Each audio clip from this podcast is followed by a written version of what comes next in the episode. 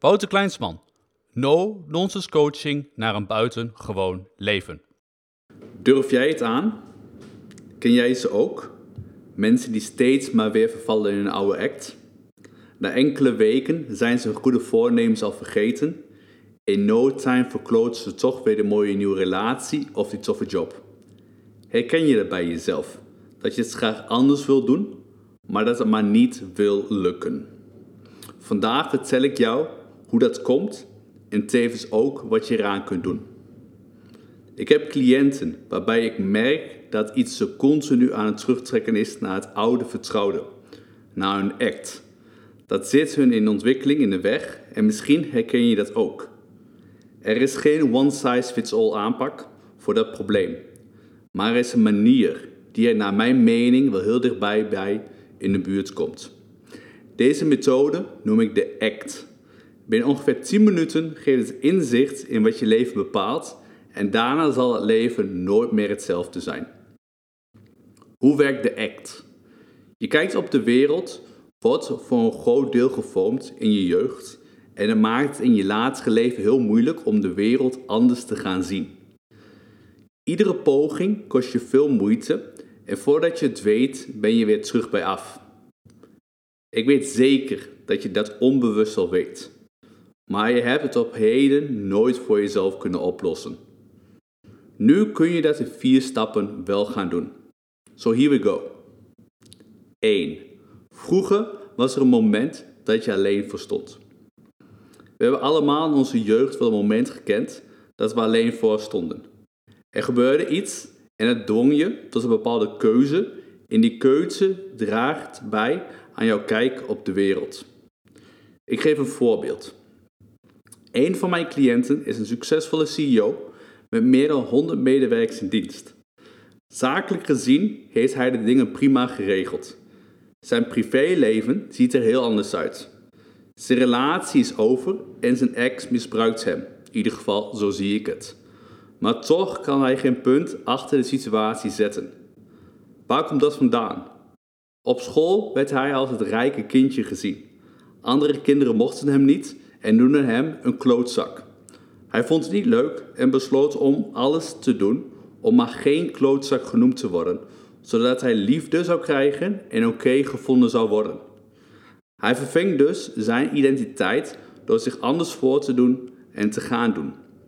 En dit is het probleem waar hij nu nog steeds mee rondloopt. Hij accepteert het om misbruikt te worden, omdat hij geen klootzak wil zijn.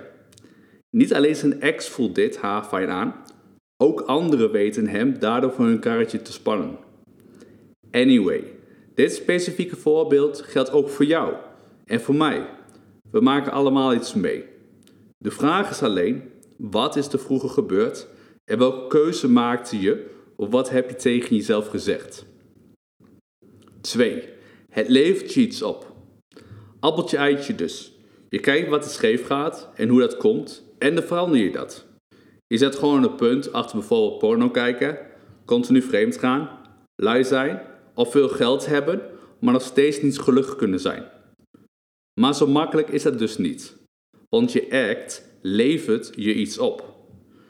Als we terugkijken naar het voorbeeld, levert het altijd maar de good guy zijn mijn cliënt liefde op, omdat hij denkt door geen klootzak te zijn dat zijn ex hem toch nog mag.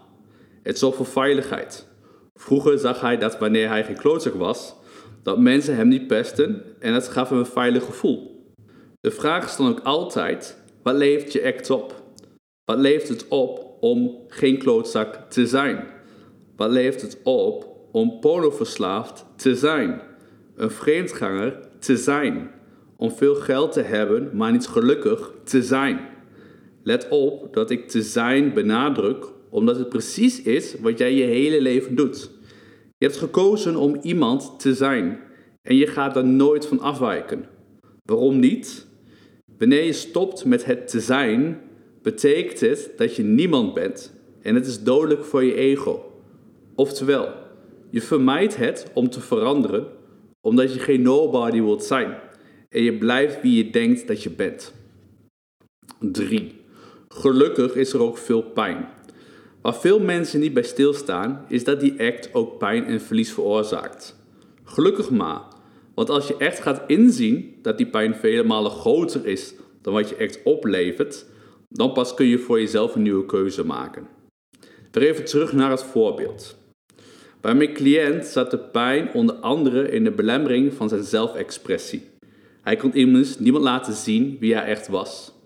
Hij verloor het vermogen om een echte liefde te ontvangen en om duidelijk zijn eigen grens aan te geven en slechts dingen te doen in zijn leven die hem echt gelukkig maakten. Stel jezelf dus de vraag: wat verlies ik er allemaal door door vast te blijven houden aan mijn huidige identiteit? 4. Wie wil je zijn? Nu je inziet dat de pijn vele malen groter is dan wat je echt je oplevert, kun je opnieuw gaan kiezen. Want dat is het mooie. Je kunt gewoon opnieuw gaan kiezen wie je wilt zijn. En daarna meteen echt commitment aan koppelen om ook echt die persoon te worden. Zet op papier wie je wilt zijn en dit systeem neem je iedere dag door voor de rest van je leven.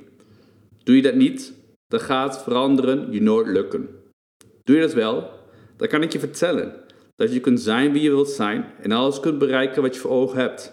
En vergeet niet, je oude act blijft altijd bestaan, maar jij laat je niet meer verleiden, want jij weet dat je kunt kiezen wie je echt wil zijn.